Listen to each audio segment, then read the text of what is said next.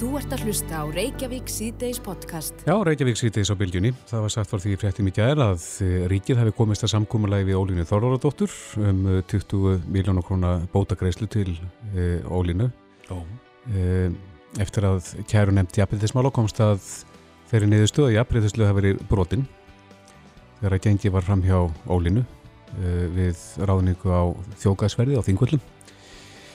E, á línunni er Pál Magnússon, hann er formadur allsérðan og mentamálanemndar alþingis og situr jáfnframt í Þingvallanemnd. Komdu sæl Pál? Sælir. Já, fyrst kannski, hver eru þín viðbröð við þessari niðurstöðu og þessum samleiki í ríkisins við Ólínu? Já, mér þykir það með miklum ólíkindum ef ríkið er búið að koma sér upp regluverki sem leiðir af sér 20 miljónar krónar bótaskildu út af máli eins og því sem hér um ræðis. Því að við verðum að hafa það í huga að það var ekki eins og uh, óhæfari manneskja væri ráðin fyrir hæfari eða brotið hafi verið á, á þessum einstaklingi með þeim hætti þvert á móti að uh, þá skoraði sá sem var ráðin hærra á einum svo kallar hlutlæga þætti málsins, það er að segja það sem er mælanlegt mentun, reynsla og þar framötu göttunum. En þegar kom að þessum huglæga þætti málsins að þá taldi úrskurðanendi í afbreyttismála að það hefði vantað á það að e, vantað upp á það að e, þeir efnistættir sem réðu niðurstöðu meiri hluta þingvallanemdar af þessu leiti, mm -hmm. það hefði vantað upp á skráningu á þeim. Það er að segja að af því að þeir hefði ekki verið skráðir þessi þættir með eh, tilhýðilegum hætti að mati úrskurðanemdarinnar þá bæra tólka þann vafa ólínu í hag af uh, þessum ástæðum. Með öðrum orðum að það er sem sagt uh, á, á sem sagt, þessum formlega frágangi málsins, formgallanum sem hérna úrskurðurinn sem, sem uh, úrskurðanemdin taldi vera aðtúaverða. Tekur ekki undir það að, að það hefði skort uh, á þetta? Ég, jú, ég get alveg tekið undir það og á endanum auðvitað ber þingvallanemnd og ríkið ábyrð á því gagvart ólín. Það er hins vegar þannig að til þess að sjá til þess að formlegum áskilnaður, að formlegur áskilnaður sé upptiltur, að það sé gengið frá öllum formþáttum málsins eins og til dæmis skráningu á þessum huglægu þáttum að þá er ráðið til þess sérhæftur ráðningafyrirtæki til þess að það fari ekkit á milli mála. Að það séu sérfræðingar sem gangi skuggum það að öllum formkröfum, að allar formkröfur séu uppfylltar. Það gerir þetta ráðningafyrirtæki ekki og því skapast þessi bótaskilda. En að þetta framkalli að, að mál af þessu tægi og ríkið sé búið að búa sér til þannig regluverk að sem málsgallar eða málsmeðferðargallar séu af, af, af því tægi sem hérum ræðir að því skapist 20 miljónar krónar bótaskilda finnst mér vera mjög umhugsanavert. Þegar eins og ég segi það var ekki verið að brjóta á, á, á viðkomandi einstaklingi með þeim hætti að, að óhæfari e, umsækjandin, það voru þarna tveir eftir eins og kunnið þess, að óhæfari umsækjandin hafi verið ráðinn, þess að móti það sem fyrir lág í, í um, um hlutlæga þætti málsins að þá var sá sem var ráðinn sem skoraði herra á því bladi. E, ég er ekkit að, að víkjast undan því að nefndin sjálf, þingvallanemnd og það er með ríkið, Gagvart Ólinu er auðvitað ábyrgt fyrir þessu. En ég hef reynda líka velt upp þeim möguleika að það sem væri um form gallaræða af því tægi sem, sem, sem hérum ræðir, að þá kynni nú svo að vera að ríkið ætti endurkröfur rétt á það sérfræði fyrirtæki sem fekk sérstakar greiðslur fyrir það að sjá til þess að þessa formkröfur væru uppfylgtar. Mm. Já, og verður gengið á eftir því, veistu það? Ég eh, veit það ekki. Mér finnst uh, að það minnst okkur í mjög hérna, aðtugunarvertur ríkið að, að, að, að hvort það bæri ekki gera það. En þú segir, þú segir í, í hinn orðinu að ríkið beri ábyrða þess að vera búið að skapa þetta regluverk sem að valdi þessari bótakröfu. Já, ég held að það sé mjög umhugsunarverk að málsmeðferðar ákalli að því tægi sem hérum rætt. Það sem ekki verið að, að, að mismuna fólki með þeim hætti að, að óhæfari einstaklingur sé tekinn fram yfir hérna hæfari að málsmeðferða galli af því tægi sem hérum ræðis að hann skulle framkalla 20 miljónar krónar bótaskildu já, finnst mér að minnstakosti umhugsunar verðt fyrir ríkið hvort það þurfi ekki að skoða þetta regluverk. Mm -hmm. Þetta finnst, finnst mér bara einlega ekki gangu. Já, hverju þarf þá að breyta í regluverkinu? Allir þurfu nú ekki bara að einfalda það með einhverjum þeim hætti þetta virðist fyrir alveg svo flókið að það sér engin út úr því. Ekki heldur sér til, til þess gerð sko ráðningafyrirtæki. Mm -hmm. ef, ef regluverki er orðið svo flókið að það botnar engin í því hvernig á að, að, að uppfylla þetta að þá þarf held ég bara að endur skoða þetta regluverk. Já, má nú gera ráð fyrir að einhverju aðri sem hafa sótt um eh, vinnu hjá ríkinu komin til með aðtókvort að þessar skráningar hafi verið fyrir hendi í þeirra ráningarferðli uh, og sækir þá kannski ég, rétt sín. Er þetta fordæmi? Ég, ég áttar mig svo sem ekki á því en ég held að, að það sé þá ástæði til að hvetja uh, hvetja hérna ofinbæra aðila sem eru að, að auglýsa stöður af þessu tægi og þau ráðningafyrirtæki sem gefa sér út fyrir það að vera með sérfræði þekkingu á því hvernig eigi að, að, að búa um þessar húta að þau taki auðvitað til endurskoðuna því ég er ekkit að mæla því bót að, að menn fari ekki að ítrustu reglum í þessu samhengi mm -hmm. en, en, eh, en það að þessi skafangi framkalli bótagreðslur af þessu tægi finnst mér já, mér finnst það bara ekki ná nokkur átt Er enginn vafið þínum huga að hævar einstaklingurinn hæfir í ráðinn í, í þetta starf? Nei, enginn vafi. Ég er hérna fullkomlega sáttu við niðurstöðu hérna meira hluta nefndarinn að hvað það varðar og, og, og, og það hefur aldrei læðstæðið með hinn minnsti vafið um það að, þetta hefur rétt niðurstöða og hævar einstaklingurinn hæfir. Já, en nú er talað um að þetta hefur verið pólitísk ráning svona miða við hvernig atkvæði fjallu millir stjórnar og stjórnar anstöðu? Já, ég áttar mig þá ekki á því. Ég veit ekki hvaða samleið ég ætti í pólitískum ráðningum með vinstri grænum þetta. Ég held að þetta hefði bara verið uh, fullkomlega fagleg niðurstafa. Enda bendi ég enn á það að í hlutlæga hlutanum af þessu máli að þá skoraði sá sem var ráðinn hærra en svo sem ekki var ráðinn. Þannig ef við horfum nú bara fram hjá þessum huglæga hluta að þá uh, láð það alveg fyrir að, að, að sá sem fjekstarfið var metin hævar. Hvað er haft til grundvallar þegar við erum að tala um huglega hlutan?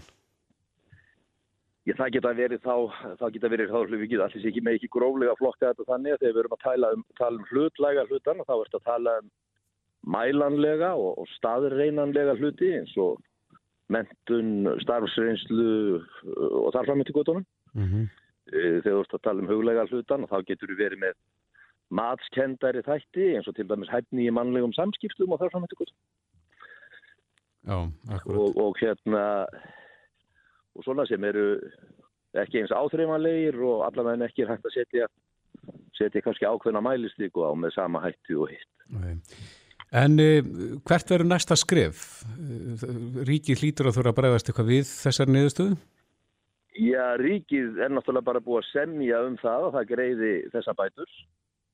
Og ég held að, að ríkið hljóti svo að, að, að hérna bara með hag skattgreðanda uh, til hliðsjónas að aðtúa það hvort að það kunna vera fyrir hendi einhver endur kröfur réttur mm -hmm.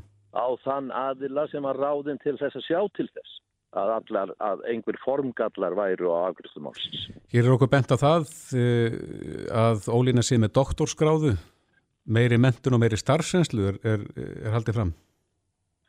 Nei, já, ég held sko á þess að ég ætla að fara að telja upp þessar mælanlegu stærðir og þá var það nú á því bladi þar sem þetta var allt uh, lagt saman og til haga haldið að þá skoraði sá sem ráðin var hærra Eh, heldur en ólína þegar það var tekið til til mentunar, starfsreynslu og þar fram eftir gotunum og e, það var að vísu sko það, ég, hérna, það var engin sko eðlismunur á því, það var ekkit langt á milli þeirra í því. En sá munur sem var að, að e, hann var sem sagt e, einar í hag sko. Já.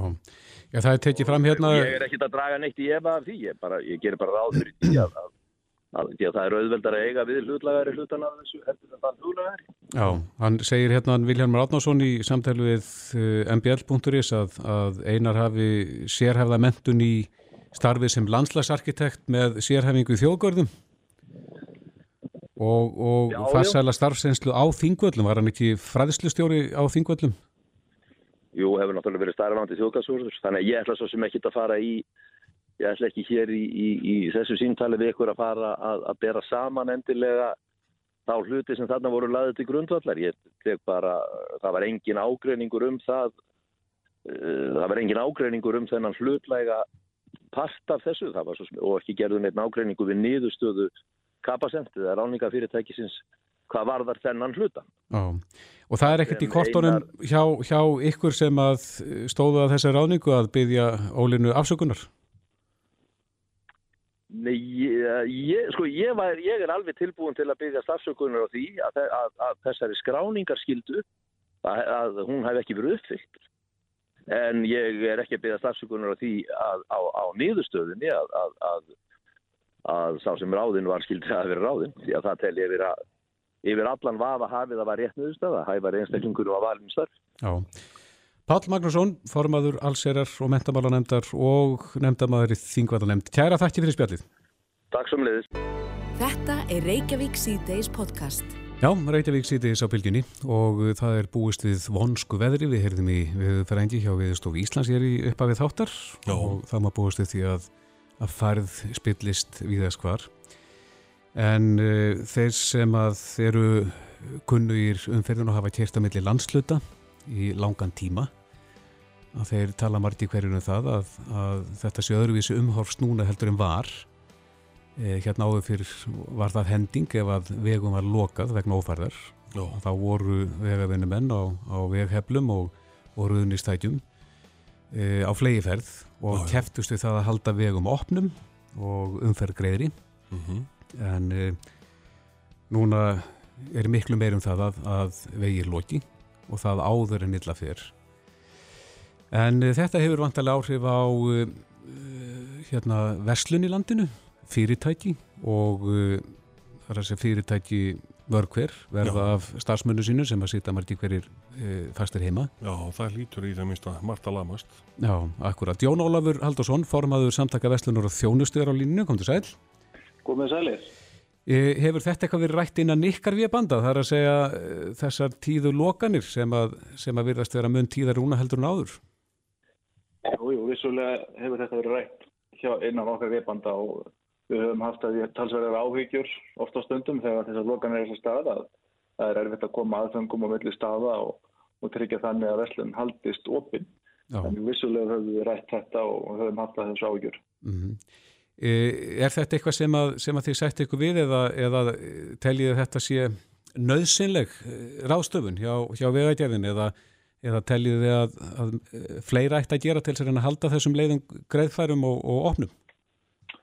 Já sko, nú hef ég ekki skoðað neina tölfræði í kringum þetta en maður veldi fyrir sér hvort að þessar vokanir séu tíðari nú en áður og þá gæti maður veldi fyrir sér að hvort að vegagerðin sé ekki að setja eins mikla fjármunni í þennan flokk þar að segja að halda vegum og, og samgöngum og opnum þegar þannig viðræði við vetturinn.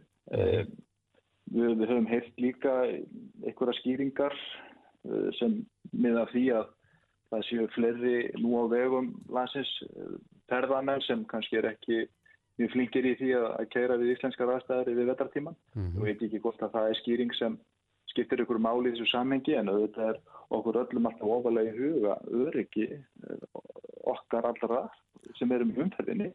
En einhverja síðu þá held ég að vegagerðin þurftum nú kannski að varpa ljósi á þetta hvort að það mögulega getur verið það sé ekki verið að verja eins mjög fjármunum og áður í þennan málaflokk.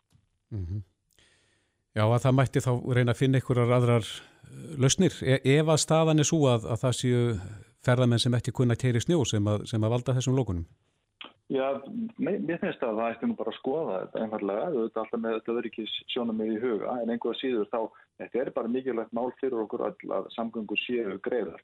Því að það er náttúrulega í auknum mælu hefur séð það að fólk geta finna sér búsetu til dæmis fyrir utan höfuborgarsvæði en sækir samt vinnu hér í, í bænum og þá skiptir náttúrulega máli fyrir fyrirtækina og þetta fólk að það komist leiða sinnar mm -hmm. og mér finnst að þau eru að ræða það búr ofninskátt hvort að erlendi ferðarmenni einhver þátt í því að við lókum meira en við gerum áður eða hvort þetta sé einfallega það að við sem ekki verðið sem fjármörnum. Ég halda samgöngum greiðum eins og áður. Já, En, en eitthvað hljóta lokan er að kosta þar að segja eh, fyrirtækin sem að ekki komast leiða sinnar og fá ekki viðskiptavinni og, og fá ekki sín, eh, sína stafsmenni vinnu?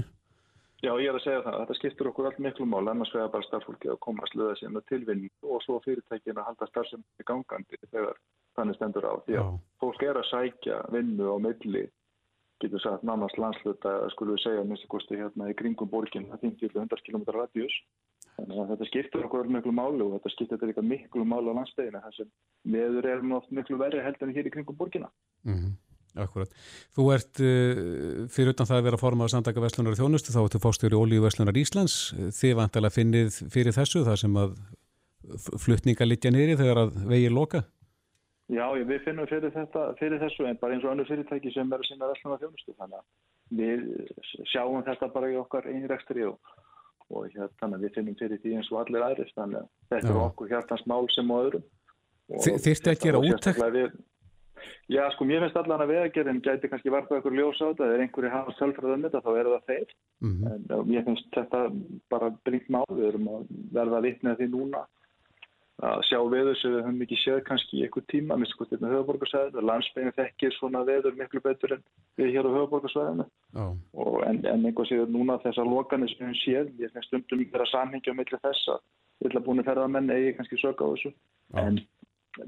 svo getur maður en þetta er bara tilfinning fyrir því sem maður lesi fréttum en ég held að vegagerðin sé nú kannski bara best besti aðeins að svara því hvort að til dæmis fjármjöndur séu eftir að skila sér inn í þennan málflokk eins, eins og var En þýrst að gera útækt á því hvað eh, svona lokanir kosta aðunulífið?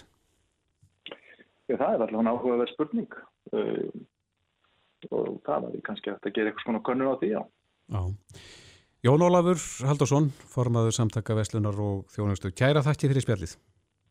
Takk sem leis. Reykjavík síðdeis á bylginni. Já, Reykjavík síðdeis á bylginni klukkan orðin hálf sex og nú ætlum við að huga því sem að mörgum Íslendingu þykir mjög stjæmtilegt að spá í og tala um, það er tæknin. Tækni og þjóð, erum við stundum kölluð. Um, Alli Stefán Ingvarsson hjá Tæknivarpinu og Simon.is er komið til okkar, velkomin. Takk, takk. Er það er þessi árlega tæknisýning SES-sýningin, SES 2020? Emmitt, emmitt. Hún er eh, alltaf haldið nárkvært í Las Vegas. Já, og margt hefur nú litið dagsins ljós þarna í, í, hérna, á þessum síningum, en, en hvernig lítur þú núna? Sko, ég hef búin að studera þetta svolítið í dag og hérna, eh, sko, rauðið þráðurinn í sesónu síðustu árin hefur verið að hérna, stærri fyrirtekin þau eru að kynna sína, sínar hérna, nýjungar á sínum eigin ástöfnum eða viðbrum, eins og mm. Apple er með þessar frægu líkilræður og svo WWDC teknir ástöfnuna. Mm -hmm. Samsung er með Unpacked fyrir sína snjálfsíma og, og aukuleiti uh, Amazon er með svona Alexa-kenningu mm -hmm. og uh, Google er með EO eða I.O. ráðstöfuna fyrir Pixel og Nest tækin sín. Er, er þessi síning þá svona meira fyrir smarri framleginn? Já, mjög mikið svona litlum aðlum svona jæðar aðlum með svona nýju ákveður tæki uh, svona slattatækjum sem eru að fá Wi-Fi þannig að það er þá í gangi mm -hmm. og hérna, IoT hérna, eða snjallheimila bransinn, hann er mjög öflugur þannig. Er hann að koma sterkar inn kannski? Hann er að koma mjög sterkt inn og hérna, það er svona talið að hérna, e, sérst, Apple sem er núna fyrst skipti í 28 ára á CS e, sé þarna út af e, snjalltækjum. Það sérst, sendu hérna fyrst skipti eitthvað frá sér og það mm. er hérna yfirmaður persónavendar sem er unna mjög mikið með séri Já, já. Til að svara þá einhverjum persónu undan spurningu. Mjög líklega og bara kynast þeim sem eru gerunum og svona. Já, úr lögfræði deild Apple þá. Já, eitthvað svo leys. Já, já. En e, svona fyrir tækni og tækja óða, e, hvað er svona skemmtilegt að finna þannig? Sko, það eru nú margt sem hefur komið upp. Uh, Samsung er mjög stertana mm -hmm. með sjómöpusín. Þeirra 2020 línur, eða þess að nýju linnar þær eru kynntar þarna. Já, er eitthvað nýtt í því? Sko það eru tæki sem, eh, allan eitt nýtt tæki sem er mjög áhvert, sem er 8K sjómarp, sem kemur í þreymir sem þú stærðum, mm -hmm. sem er sérst aðeila án kanta, kantalust ótrúlega svona fallegt tæki. Stjárin nær alveg út í já, enda. Já, og serðilegan ramma. Og svo er eitthvað hérna sem ætti að kýtla yngri kynsluna, það er Zero TV sem hefur verið áður komið út í kóru, séu kóru en er núna að fara á alltfélaga markaði það er sérst 43 sjónvarp sem er, sjónvarp sem er að snúa skjánum þannig að hann sé lóðréttur þannig að hann virkir betur fyrir til dæmis TikTok og Snapchat Já, ef þú tengir þá tölvu inn á skjáina þá Sko, sjónvampi stiður einhvers konar svona eh, mirroring eins og heitir það speglun af snellsíma mm -hmm. og stiður líka Airplay sem er sérstætt frá Apple þannig að mm -hmm. þú mhm. getur rauninni verið í, í iPhone símanuðinum og horfa á Snapchat og bara kasta þig upp á uh, sjónvampið. Já, það var nú mikið talað um uh, sjónvarp með snertistjám mm. hérna á árum áður. Er, er datt það alveg fyrir eða? Sko, það er náttúrulega alveg til og, og, og hérna, sérstætt, mikið nótaldum sér afgræslu eh, McDonalds frækt fyrir það að vera með svona risastóra snertiskjái mm -hmm. og þetta eru einfallega bara Windows 10 velar sko, það er ekki flóknar að það. Nei, þetta er en, bara svo ódýrt núna, þú kaupir bara góðan snertiskjá og setur Windows á hann og svo getur þú bara sett hvað fyrir þessi meira á hann. Já, En fyrir stofuna heima þá vilja menn bara fjárstýringur menn en ekki standa upp og, og fletta. Já, bæði og sko, iPadin er orðin rosalega stóri í því að vera að horfa á hérna, Netflix og fleira. Mm -hmm. þannig að fólk er að nota iPadana fólk er byrjað að horfa í sikur hotninu Það er svolítið þrónin. En, en hvað með þrývítar sjónvarpin? Þau komu svolítið inn en það þurftu að nota glerugun. Er, er það að flætjast fyrir eða eru menn með eitthvað nýja lausnir þar? Sko 3D eða þrývit í sjónvarpin er eiginlega dött. Það eru langflesti framlítið búin að taka úr sínum vörlunum. Mm -hmm. Það eru einstakka vörlunir sem sitja eftir. Eh, svona ég hef aldrei verið svona 3D maður, ég er svolítið kvikmyndanörd líka, ég er ekki bara tekninörd og hérna 3D er basically búið til til að reyna að selja fleiri bíómiða þannig að það er svo erfitt að stela 3D það er ekkert mál að fara í bíó og taka upp á videovel hérna flatamindir, en þess að komum þrývít þá er þetta náttúrulega eitthvað skinnið, það náttúrulega gengur ekki. Mm -hmm. og hérna ég held að heimilismarkarinn hafi bara fúlsað við þessu, ég, ég, sé, ég hef ekki til og með séð Netflix eða Disney Plus eða neitt verið að vinna innum 3D málum, það er náttúrulega framtíðar afþrenga veitunum okkar þannig að ef þær eru ekki að þróa 3D þá held ég að sé ekki mikil framtíð 3D Já. Fleira svona stemtilegt á þessari síningu? Uh, sko ég lagst á nokkru hluti uh, Sundo er uh, snjall úra, úraframlendi frá mm -hmm. Finnlandi sem hefur verið þekkt fyrir svona útvistarúr og köfunur og þeir eru að koma með Wear OS úramarkað sem er snjallúra kerfi frá Google og þetta verður svona hargert snjallúr útbúið fyrir sagt, eh, hérna hreyfingu, þú getur farið með í sund. Mm -hmm. og það verður með tvekja tíma, tvekja hérna sólurhingar hlæðslu og staðsendingu búin eins og maður þekkir af öllum örum snallurum hæðamæli, hæðamæli og söpvöktun og verður með Google Assistant og Google Maps og Google Pay. Mjög skemmtilegt úr. Já, þeir eru svona útivista fólk. Já, og kemur á 500 dólarum sem er, já, kemur á 500 dólarum sem er talsett svona útýrjar kannski heldur en eh, Garmin Phoenix línan sem hefur verið á markaði. Mm -hmm. Hvað með fljúandi bíla? Já, sko ég er ekki búin að sjá neina núna. Það árindur eftir að koma held ég mest af uh, bíla hérna, tilkynningunum. Það er eftir að koma held ég. Og hérna það, bílar eru orðin rosa stórir en það er þeir svolítið hægt rólega snjall væðast. Fá wifi og veist, fá ramagn og veist, eins og um, Tesla Model 3 er náttúrulega orðin bara hérna rosalega stór, já, stór spjaltil á fjórum hjólum. Já, akkurat. Þannig að það er mikið framöndan þar og hérna, það er verið að vinna í þessum fljúti drónum sem er að geta tekið eina tver mannskjur mm -hmm. til farþæðarflutninga og það verður gaman að segja okkur að það verður raunverulegin og ég hef heyrt að það sé vera að fjárstæða mikið í þessu Kína. Kína verður kannski undan okkur. Mm -hmm. Þannig að framtíðin í, í þá eh, bílónum, það er þá fljúandi og svo sjálfkeirandi. Já, mögulega. Uh, svo er hérna grillin Weber er að koma með snjall grillpunk no. þannig að þú getur tengt sagt, loksins getur þú tengt grillið við þrálusnett og styrti og fylgst með hittastínu og sagt, þetta er svolítið svona eins og svo við er búið að breyta hvernig við eldum þú getur hérna, sendt skilabóði í súvíkræn og sagt henni að byrja á okkur tíma ekki með snallsjónum mm -hmm. þá mun þetta virka svipað þú getur hérna, fylst með eldunni með þess að setja mæli inn í kjötið já, já. sem tengist við wifi Getur þú kveikt upp í grillinu svona að þú kemur heim kannski? E, já, það er til búin að þess að geta gert það ég er ekki vissum að þessi punkur gera það en það er, það er komið sko og þetta mun kosta í krigum 20.000 20 krónur hérna á Íslandi það kemur á og þetta er nýtt og er þetta að kynna þetta á þessar síningunum? Já, já. já og svo erum við með hérna, fingrafara hurðalás e, sem sett í staðin fyrir að aflæsa með hérna, likli, þá getur við aflæst eða læst með fingrafarinu svona eins og á iPhone-u sín tíma. Mm -hmm. Touch ID og þarna er rauninni getur við með alltaf 50 nótur og 100 fingrafur það verður verður nokkuð þægilegt, þægilega en likill þá getur við sleppt liklinum Apple Pay er búið að fá mig til að hætta að nota veski og nú vantar bara að losa mig við liklana sko. Já, akkurat Snjall ásætni þeirra hafa nú verið, eh, eru kominir inn á markaðin? Já, en þarna notar þá fingrafarið í staðin fyrir símaðin eða mm -hmm. já Er eitthvað sem einkennir þessa síningu núna umfram fyrir síningar? Sko það er... Er minna nýtt þarna? Sko það er eins og það sem ég finnst er að svona sérsta þegar ég horfið yfir þetta í gamla daga var mikið af svona, svona, svona fyrðulegum hlutum svona, sem eru kannski lengri tími í sem var kynnt og kannski kom aldrei á marka Framtíðatæknin Já, framtíðatæknin ah. En núna sínist myndi að vera þessi litlaðala sem eru bara að kynna þessar vöru, bara venjulega vörukynningar. Og þetta kemur bara alltaf marka á þessu ári mest af þessu. Mm.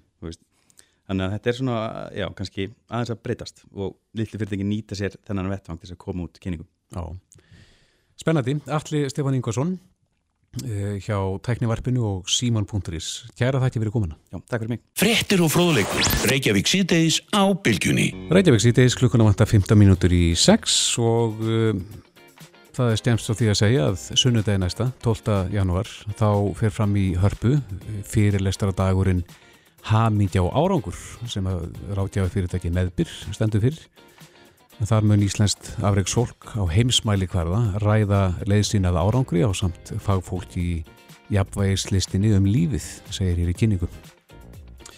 Og þeir sem koma alltaf fram eru meðal annara Björgvin Pál Gustafsson, eh, landslismarkverður, Elisabeth Margistóttir, náttúrulega hlaupákona, vakti gríðarlegan hérna, gríðarlega aðtegli þegar hún fór 400 km hlaup í Góbi eðimarkin í Kína. No. Nú þarna verður John Snorri Sigurjónsson sem að er hann ekki bara þessa stundin að leiða upp á K2 Jú. Það ætlar að vera sá fyrsti sem kemst ángað að þetta er til. Nú Guðinu Gunnarsson, eigandi Róbjóka setusins verður þarna, Sölvi Tryggvason Katrin Tanja Davíðsdóttir Crossfit meistari. Nú þarna verður Matti Ósald Stefánsson Heilsur ágjafi Vilborg Arna Gísuradóttir Margrit Lára Viðarstóttir landsinskona og einn besta fókbaltakona fyrir og síðar mm -hmm. sem að Íslandingar hafa átt og uh, þarna verður líka uh, Ólafíða Kvaran uh, tæplega 50, 30 batamóðir sem að triðir sér fyrst íslenska kvenna þátt okkur rétt á heimsmyndstaramóti í Spartan og varð heimsmyndstari í sínum aldursflokki no. undir lók september á síðast ári og Ólafíða er á línu, kom til sæl Hæ, hæ. Hvað segja heimsmeistarir í dag? Uh, ég er bara rosa góð. Já, við erum bara góðir, en þú ætlar að, að ræða þess þína reynslu og árangurinn Já. á sunnudaginn kemur. Já, ég ætla bara hérna bara að reyna að segja fólki frá þessu æfintýri mínu, hvað ég er búin að vera að stúsa síðan þrjá ár og, og segja svolítið frá hvað spartan hlaup eru Já. og hérna Þú ferði við það ítalegu máli þarna á sunnudagin en, en segð okkur aðeins bara frá þessu spartan hlaupi. Hvað, hvað þurfa að menna að gera til þess að, að klára það? Uh, um, spartan hlaup, þetta er hérna, þetta er hindrunarhlaup.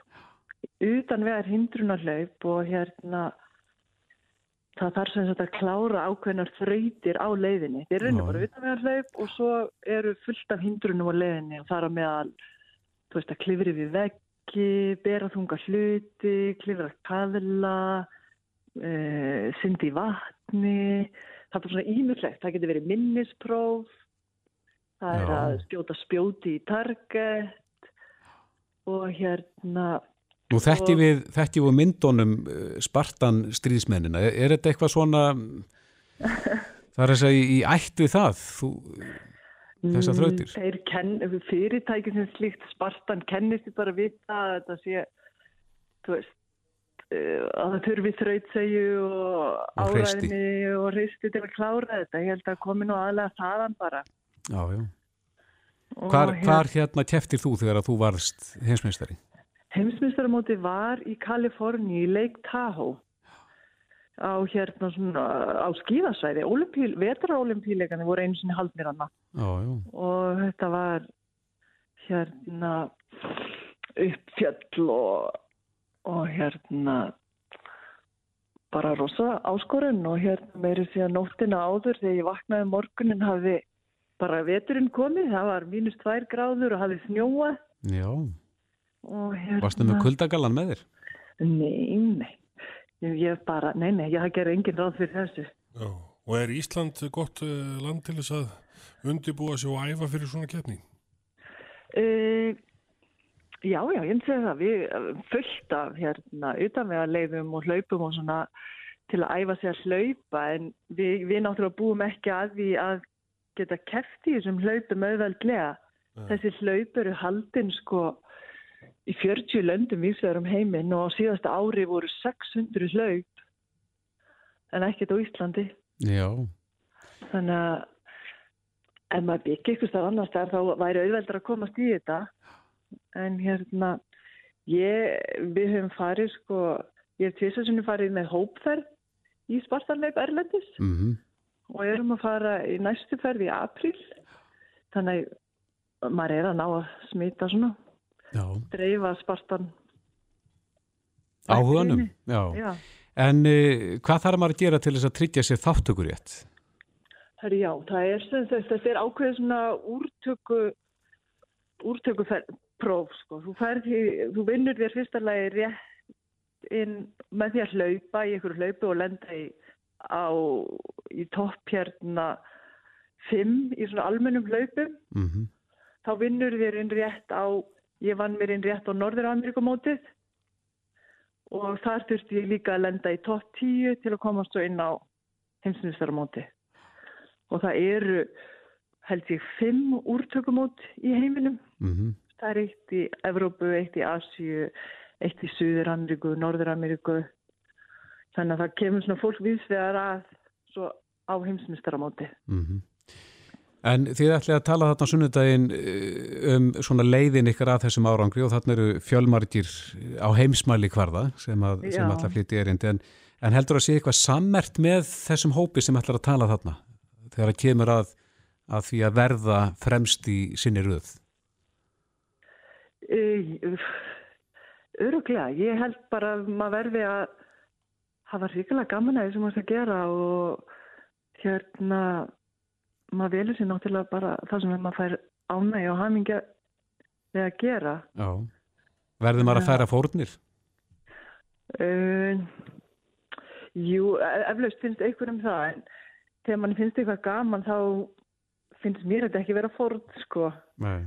En jú, þetta er alveg fullt af vinnu og skipulagningu og þannig. Þannig að þetta er kannski meiri fórn fyrir þá sem að standa manni næst.